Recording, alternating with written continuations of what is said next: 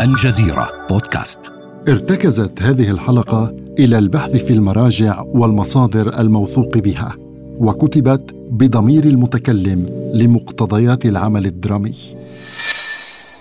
الزمان صيف عام 1974 المكان ألمانيا الغربية. المناسبة بطولة كأس العالم في كرة القدم. للمرة الأولى يتأهل منتخب هولندا إلى بطولة كأس العالم منذ أربعين عاماً. لم يكتفي بالتأهل بل وصل إلى الدور النهائي. يا لها من مباراة كرويف يبتدع أسلوبا جديدا مذهلا. استطاع أن ينتزع الكرة من أمام لاعبي المنتخب السويدي وينفرد بها في الملعب. اللاعبون السويديون في ذهول. لا يعرفون كيف احتفظ كرويف بالكرة. كرويف ينطلق مسرعا باتجاه المرمى. يجتاز لاعبا يركض بها. يجتاز آخر. ساحر. ساحر. لم يكن يعرف هذا الأسلوب في اللعب من قبل. إنه أسلوب جديد في عالم كرة القدم. أصبح يعرف باسم مراوغة كرويف. لم يتوقع أحد اجتياز منتخبنا للدور الأول في بطولة كأس العالم عام 1974 لكننا تابعنا اللعب والفوز والتأهل إلى الأدوار التالية. وفاز منتخبكم الهولندي على البرازيل حاملة كأس العالم لعام 1970 في نصف النهائي للبطولة. كثيرون اعتبروا تلك المباراة واحدة من أفضل المباريات في تاريخ كأس العالم لكرة القدم. الكل يدرك أنك أنت من ساهم بالأساس في قيادة هولندا إلى هذا النجاح وغيره من النجاحات. ما سرك يا كرويف؟ فتشي عنه في حكاية الكرة التي كنت أصطحبها معي يوميا إلى صفي وأنا تلميذ في المدرسة.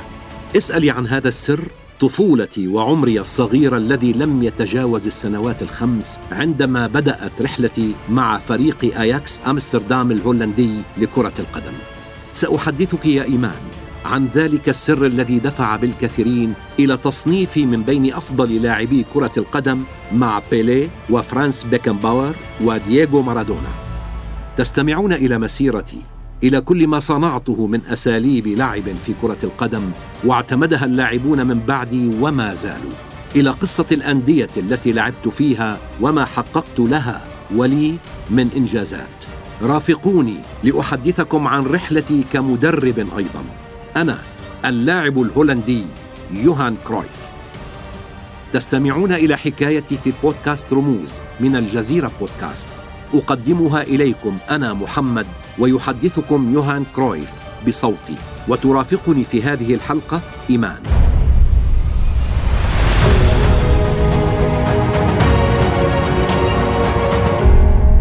سنتعرف سويا إلى هذا اللاعب الذي لم يبدع في اللعب فقط. بل في تدريب اللاعبين أيضا ما ترونه اليوم في كرة القدم وتطورها حتى في أزياء اللاعبين وعملية التسويق والدعاية كان لكرويف يد فيها. حملت اسم هندريك يوهانس كرويف عند ولادتي في أمستردام بهولندا في الخامس والعشرين من نيسان أبريل عام 1947 لاحقا صرت أعرف باسم يوهان كرويف. كانت ولادتي في منطقة قريبة من مركز نادي أياكس لكرة القدم وملعبه. نشأت في منزل متواضع فيه تسعة أبناء. لعل عددنا الكبير جعلني أقضي معظم وقتي خارج المنزل. ماذا كنت أفعل في الخارج؟ لا تلعب إلا بكرة القدم. اهتممت بها إلى حد أنني كنت أحملها مع كتبي يوميا إلى المدرسة وأقوم بتمريرها بين قدمي في الصف طوال فترة الدرس. طردني المدرس إلى خارجه مرات عدة بسبب ذلك حتى إنني صرت مشهورا بفتى الكرة. ولذلك لم تعطي للدراسة وقتا كافيا فلم تكمل تعليمك. صحيح أنني لا أحمل شهادات جامعية لكنني تعلمت الكثير بالتجربة. وماذا عما علمك إياه والدك؟ ألم يخدع اشخاصا للحصول منهم على المال؟ ألم يكن يراهنهم على من يستطيع النظر بعين واحدة إلى الشمس أكبر وقت ممكن؟ فلا أحد سواه يتحمل ذلك لأن لديه عينا زجاجية موضوعة مكان تلك التي فقدها في حادث؟ ألم تتعلم الخداع منه؟ أه لا أنكر أنني تعلمت ذلك من أبي أه لكنني استفدت منه في كرة القدم. ماذا؟ هذا التعلم جعلني أفكر في كيفية تحويل العيب إلى ميزة. أنت ذكرت ما قمت به في بطولة كأس العالم عام 1974 مع المنتخب السويدي وتحدثت عن أسلوب مراوغة كرويف. ألا تدرين أنني مارست حينها ما تسميه الخداع لكن من الجانب الإيجابي ما فعلته عندما تصدى لي لاعبون سويديون هو أنني مددت قدما من قدمي الاثنتين إلى الأمام وكأنني سأرمي الكرة بها فشتت تركيزهم واستعنت بقدمي الأخرى فقذفتها بها إلى الخلف بعيدا ثم استدرت بسرعة وركضت نحوها. لم يتوقعوا هذا الأسلوب. أنا لم أتدرب ابدا على هذه الحركة التي تحدث عنها الجميع في ذلك الوقت. خطرت الفكرة ببالي في لمح البصر. كانت قدماه قادرتين على الاستجابة الفورية لما يريده عقله.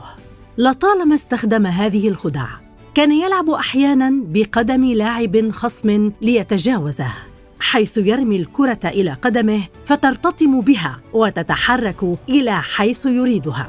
أليس مستغربا ما كنت تفعله يا يوهان؟ لا يا إيمان. منذ صغري كنت ألعب كرة القدم على رصيف الشارع الذي بفضله تمكنت من تطوير تقنيتي في هذه اللعبة. أتدرين كم من المهارات اكتسبت من ذلك؟ وكم تدربت على عدم السقوط على الخرسانة القاسية كي لا أتأذى والحفاظ على توازني وابتداع الخدع للاحتفاظ بالكرة؟ كان والدا كرويف يملكان محلا صغيرا لبيع الخضار والفاكهة. اصطحبه أبوه معه مرة وهو في الخامسة من عمره ليساعده على توزيع كميات من الفاكهة على لاعبي نادي أياكس أمستردام لكرة القدم. سأله صديق والده هانك أنخل الذي كان موظفا هناك ما إذا كان يرغب في المجيء إلى النادي خارج دوام المدرسة ومساعدته في بعض الأعمال. قبل الأمر بموافقة والده أيضاً. وهكذا استطاع كرويف القيام بأعمال فردية في الملعب بلعب الكرة في الصالة أو أمام المدرجات الرئيسية. احتك باللاعبين. تعرف منهم على أمور كثيرة في عالم كرة القدم. إحدى عطل الصيفية قضيتها وأنا طفل في الريف في منزل أحد مهاجمي فريق أياكس المشهورين حينها والذي كان صديقا لعائلتي. لعبت معه الكرة مرات متعددة. كان العديد من لاعبي النادي يترددون إلى منزلنا مع هانك صديق والدي. استمع وتعلم كل شيء عن عالم كرة القدم كامتصاص الإسفنج للماء. في سن العاشرة انضم إلى فريق الشباب في نادي أياكس. كان هزيل الجسم. بدأ بالتدرب في الفريق وبتعلم القيم والأعراف أيضا. كل شيء مر في طفولته بات عاملا لتأهيله للنجاح في كرة القدم. بما في ذلك موت أبي وأنا في الثانية عشرة من عمري وتوقفي عن الدراسة حينها. أنا الآن توظفت في قسم التنظيفات في نادي أياكس بعد وفاة أبيك. سأصطحبك معي يا يوهان كلما ذهبت إلى منزل مدربك الإنجليزي فيك باكنغهام لتنظيفه. ستتعلم منه يا ولدي ومن عائلته اللغة الإنجليزية والكثير عن كرة القدم.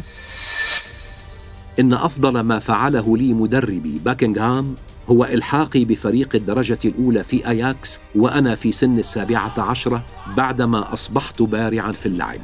تعلمت باكرا كيفية تطوير أساسيات كرة القدم التسديد بالرأس تمرير الكرة التحكم فيها والمراوغة. منحني فريق آياكس فرصة مميزة لأحقق ذاتي.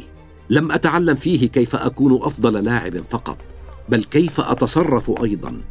كان مدرسة فكرية وأنا طورت ما تعلمته فيها. أصبح لدى كرويف فلسفته الخاصة في الحياة وهي التركيز على المستقبل وعدم التفكير في الماضي كثيرا إلا للتعلم من الأخطاء. طبق هذه الفلسفة في لعبة كرة القدم. كان يركز على تحسين كل خطوة يخطوها في هذه الرياضة. هل تجاربك يا كرويف في لعب الكرة على رصيف الشارع وأنت صغير هي التي جعلتك هكذا؟ ليست وحدها طبعا. نسيت أن أخبرك بأنني منذ سن الخامسة عشرة كنت ألعب البيسبول في نادي أياكس أيضا في الصيف بعد انتهاء موسم كرة القدم وكنت بارعا في هذه اللعبة. علمتني التركيز على كل التفاصيل في الملعب. هذا أفادني كثيرا في كرة القدم. في البيسبول عندما يرمي رفيقي الكرة إلي علي أن أعرف قبل إمساكي بها إلى أين سأرميها بسرعة. هذا يعني أن تكون لدي فكرة عن كل المساحة حولي ومكان وجود كل لاعب من فريقي قبل أن أرميها أنا بدوري. لم يخبرني أي مدرب في كرة القدم عن ذلك. أنا عرفته بنفسي. عندما أصبحت في سن الثامنة عشرة استفدت كثيرا أيضا من مدربي ريناس ميكلز. تعلمت منه الانضباط أكثر. آمن بقدراتي. فأصبح يخصني من بين كل اللاعبين بإطلاعي على تكتيكات اللعب. أصبحنا نتشارك الأفكار عند كل مباراة لنفوز بها. كان فريقنا في قعر ترتيب الدوري الهولندي حينها. لكن الأمر اختلف بوجود ميكلز منذ ذلك الوقت. قاد أياكس إلى قمة اللعبة. أنا بدوري قمت بما أذهل رواد كرة القدم في العالم. بت ألعب بعقلي وليس بالركض كثيرا. اعتمدت مع فريقي أسلوب لعب أصبح يعرف باسم كرة القدم الشاملة أو ما وصفته بالفوضى المنظمة. هو أسلوب وجدت أسسه في كرة القدم قديما لكنه لم يتطور. مدربي في فريق أياكس للشباب فيك باكنغهام كان على معرفة بهذه الأسس فدربنا عليها حينها وزرعها في فكر مدربي في فريق الدرجة الأولى رينس ميكلز. الذي بدأ يدربنا عليها أيضا وأضاف إليها بعض الابتكارات. أنا عملت على تطوير هذا الأسلوب. ابتدعت قواعد جديدة له. أضفت افكارا إليه لم تخطر ببال أحد من قبلي. كان المدرب ميكلز يثق بي ويأخذ بأفكاري هذه ويتم تطبيقها مع الفريق في الملعب. أسلوب كرة القدم الشاملة هذا يرتبط بتفكير لاعبي الفريق التكتيكي من خلال قدرتهم على تحديد المسافة بين كل لاعب وآخر على أرض الملعب. عدا ذلك قد أصبح أنا الذي مركزي هو قلب الهجوم في خط الدفاع أي إن كل لاعب منا يستطيع أن يكون موجودا في أي مكان في الملعب للحد من قدرات الخصم. هذا يتطلب انضباطا شديدا وانسجاما كليا بيننا ومرونة في تحركاتنا. نبدل مواقعنا وأدوارنا بانتظام ونربك الفريق الخصم ونسجل الأهداف غير المتوقعة في مرماه. إنه مفهوم ثوري طوره كرويف في رياضة كرة القدم واجتاح العالم بأكمله. جعله هذا الإبداع يحقق النجاح تلو الآخر. تمتع كرويف بقدرة هائلة على التحمل. هو سريع في الركض بارع في تسديد الكرة برأسه أو قدميه قادر على اللعب بقدميه اليمنى واليسرى بالمستوى ذاته. تم اختياره لاعب القرن العشرين الأوروبي بناء على تصويت عام 1999 أجراه الاتحاد الدولي لتاريخ وإحصاءات كرة القدم. فاز بجائزة الكرة الذهبية التي تقدمها مجلة فرانس فوتبول ثلاث مرات. في الأعوام 1971 73 و 74 وضع اتجاها جديدا للاعبي كرة القدم. كانت أرقام قمصان الفريق الأساسي في الملعب من واحد إلى أحد عشر. لكن كرويف غير هذه القاعدة بإصراره على ارتدائه الرقم 14 بدءا من عام 1970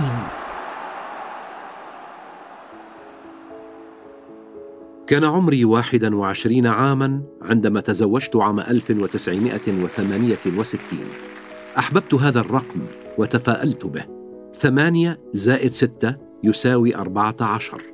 كان زواجي في اليوم الثاني من الشهر الثاني عشر. اثنان زائد اثني عشر يساوي أربعة عشر.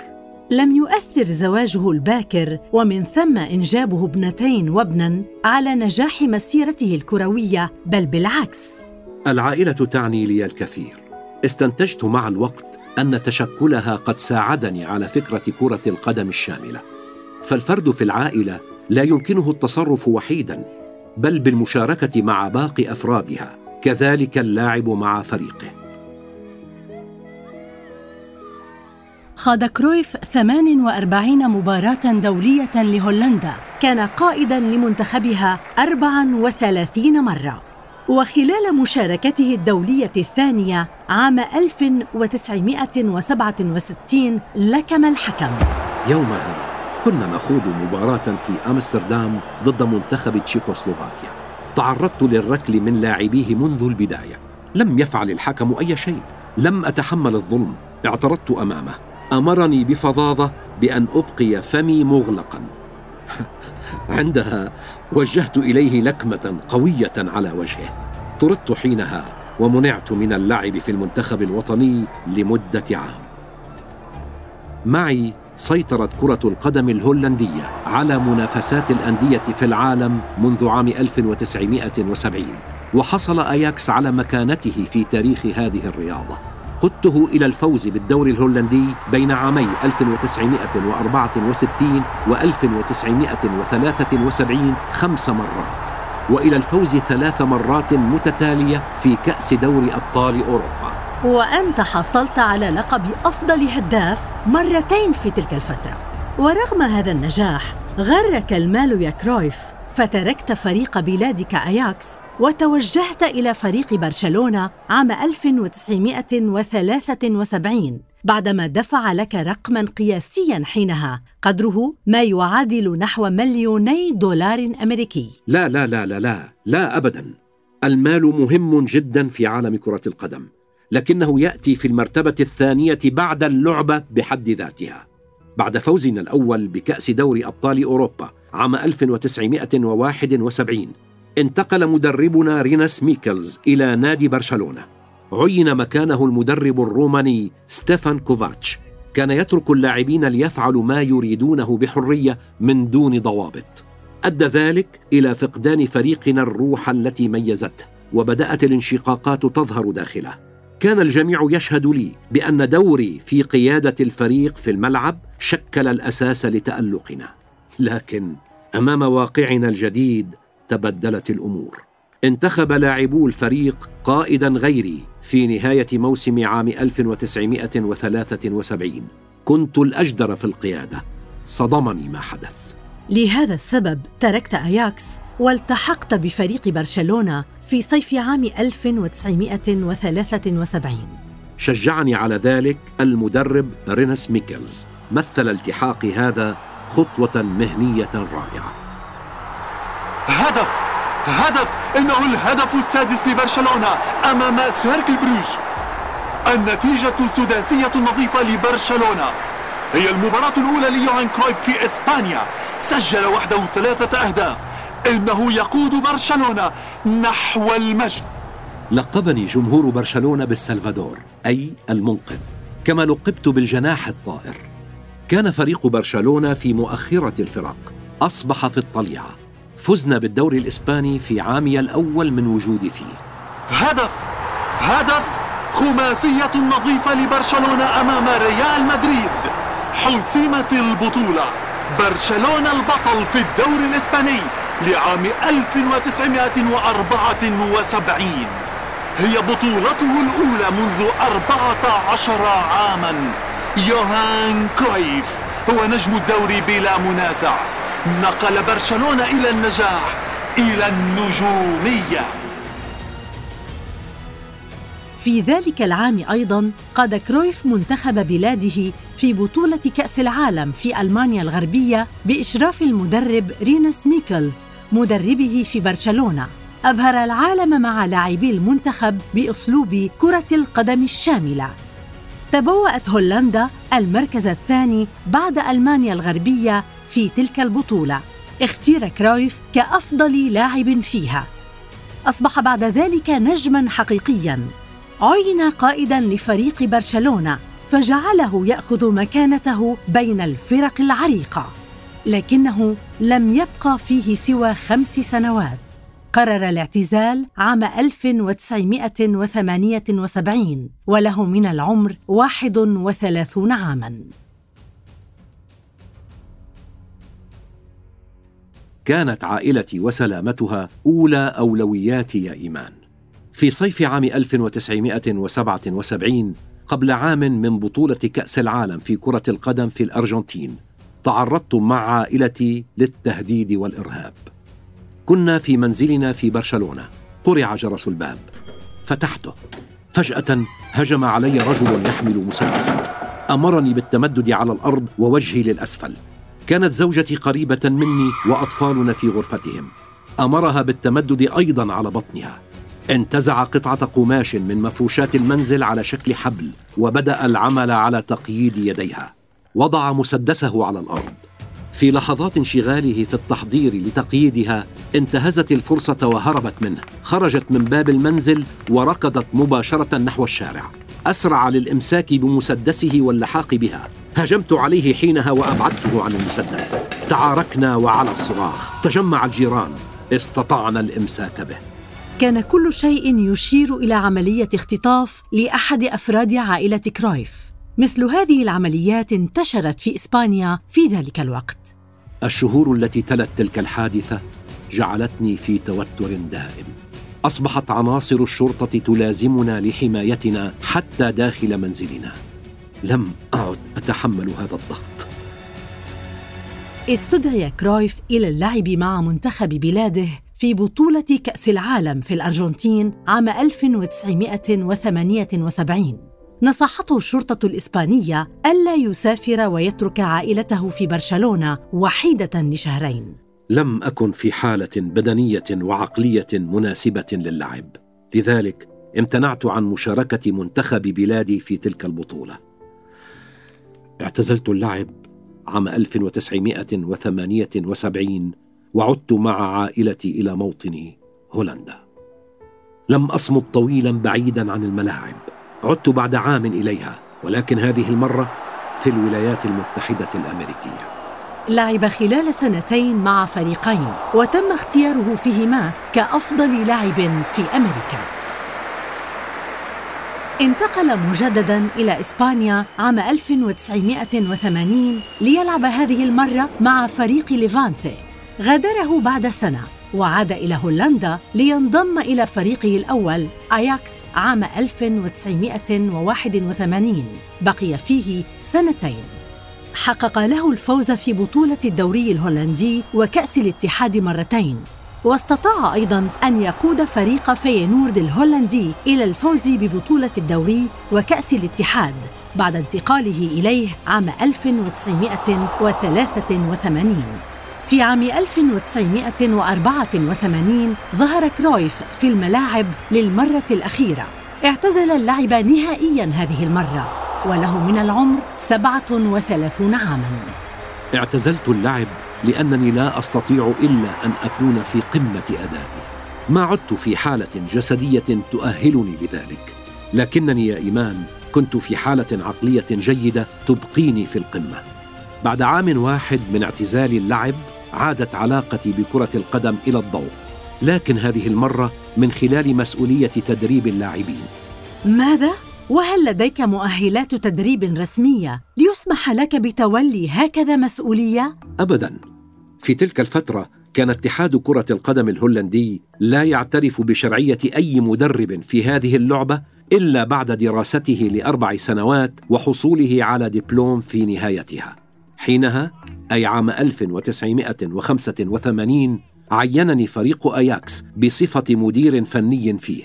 لم يسمع أحد بهذه المسؤولية من قبل. كانت المرة الأولى. هي في الحقيقة خدعة قانونية تسمح لي بتدريب الفريق من دون شهادة دبلوم. لم تنطلي الخدعة على اتحاد المدربين. هدد بمقاضاة نادي أياكس. هل منعوك من القيام بمهمتك؟ لم يستطيعوا. كنت قد كتبت رسالة إلى اتحاد كرة القدم الهولندي طلبت فيها تغيير القواعد الموضوعة من قبلهم للمدربين وإعطائي فرصة لأثبت مقدرتي في التدريب نتيجة خبرتي في اللعب. وهل استجابوا لك؟ لم يكن الأمر بهذه السهولة يا إيمان. بعد ستة شهور رفضوا طلبي رسميا.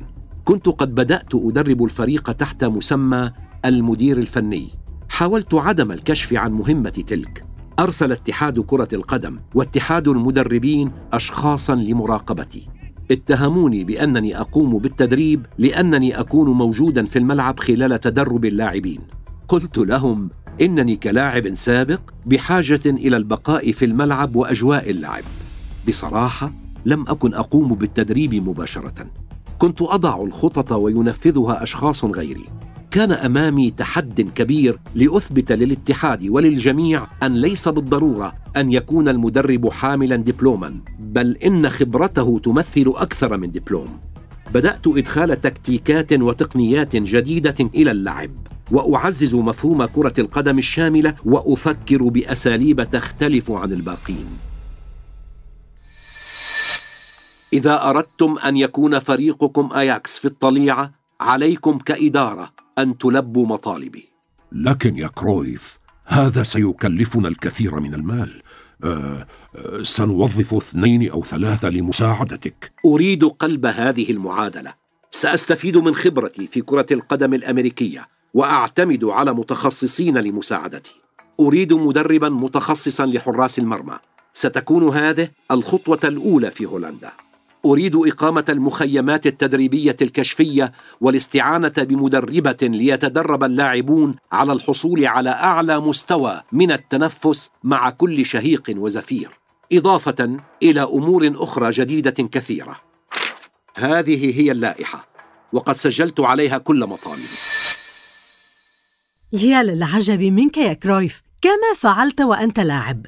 ها أنت تقوم بثورة في عالم التدريب في كرة القدم. لم يتعودوا على هذا النمط.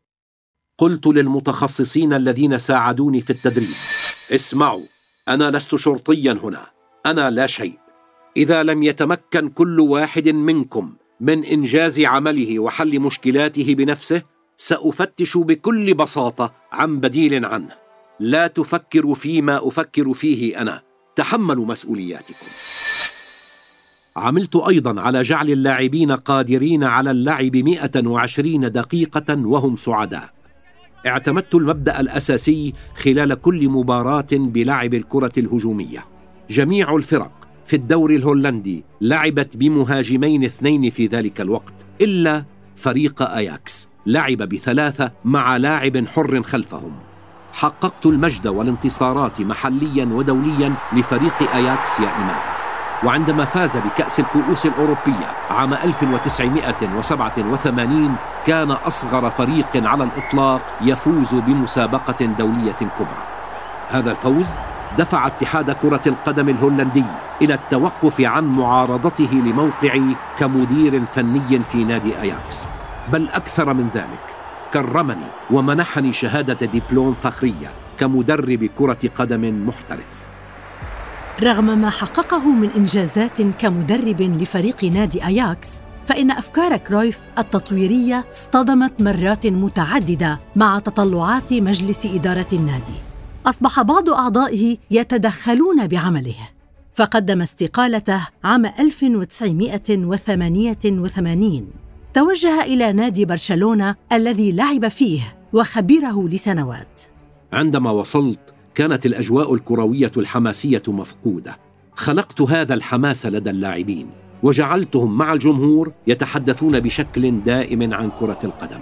اشترط كرويف على إدارة نادي برشلونة قبل قبوله بتدريب فريقه الأول أن يكون القائد الوحيد في الملعب. لم أرد أن يتكرر في برشلونة ما كان يحصل معي في أياكس من تدخل أعضاء من مجلس الإدارة بعملي. لم يقرر كرويف إجراء التدريبات للفريق خلف الأبواب المغلقة. جعل ذلك أمام وسائل الإعلام والجمهور. عزز بهذا القرار روابط الفريق بجمهور واسع. شارك في اللعب والتدرب مع اللاعبين. قلبت الأمور في برشلونة. كان المدافعون يركضون أكثر من المهاجمين. غيرت ذلك الأسلوب التقليدي على الفور. قلت للاعبين على كل مهاجم أن يفهم أنه المدافع الأول في الملعب ويفهم حارس المرمى أنه المهاجم الأول. على المدافعين أن يحددوا المسافات بينهم وألا تتجاوز الخمسة عشر مترا بين مدافع وآخر. أبقوا عيونكم على بعضكم بعضا بمجرد أن يبدأ لاعب من ركض على الآخر تعقبه. بدأ الفريق يذهل الجمهور. ضمت الملاعب في فترة قصيرة نحو تسعين ألف متفرج بزيادة خمسين ألفا عما كانت عليه. اعتمدت ديناميكية جديدة في اللعب. لا يوجد لاعب يقف بثبات على أرض الملعب. تسجيل الحر. ثلاثة مهاجمين مع لاعبين في الجناحين. هذا وفر الكثير من الجري عليهم. بدءا من العام 1988 ولثمان سنوات ثلاث أعدت الروح والمكانة إلى فريق برشلونة بعدما كان متعثرا. أعدت تشكيل الفريق بطريقة لم تعهدها الفرق من قبل. أدخلت إليه نجوما جددا. أصبح يعرف بفريق الأحلام. قدت الفريق خلال تلك الفترة إلى الفوز ببطولة إسبانيا أربع مرات وبالعديد من البطولات الأخرى الإسبانية والأوروبية. توقفت عن تدريب برشلونة عام 1996 كانت صحتي تتدهور. كنت قد أجريت عملية جراحية في القلب عام 1991 عانيت من مشاكل فيه بسبب التدخين. كان كرويف مدخنا شرها عاد وقاد حملة لمكافحة التدخين تحت شعار كرة القدم أعطتني كل شيء لكن التدخين كاد أن يسلبني كل شيء. وقدت أيضا بعد توقفي عن التدريب مسيرة تحديث عالم كرة القدم فأنشأت مؤسسات تهتم بهذه الرياضة من كل النواحي. مع كرويف تكرس أيضا مفهوم جديد من التعامل مع الأعمال المتعلقة بكرة القدم والتسويق فيها. كان الفضل بذلك لوالد زوجته الذي أصبح مدير أعماله. يجري المفاوضات عنه لإبرام العقود مع الفرق التي يريد الانضمام إليها.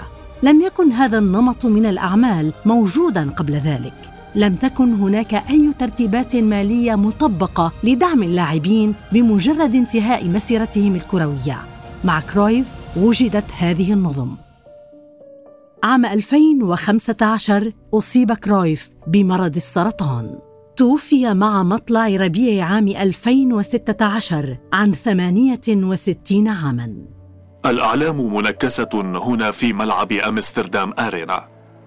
المباراة الودية بين منتخبي هولندا وفرنسا تتوقف الآن بعد 14 دقيقة من بديها الرقم 14 هو الذي حمله يوهان كرويف في مسيرته الكروية.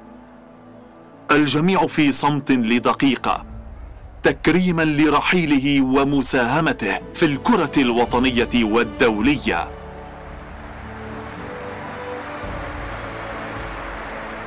كرمت مدينة برشلونة كرويف أيضاً. أنشأت ملعباً باسم ستاد يوهان كرويف. تم افتتاحه في صيف عام 2019 تخليداً لرمز غير وجه كرة القدم من بعده. لاعباً ومدرباً وإدارياً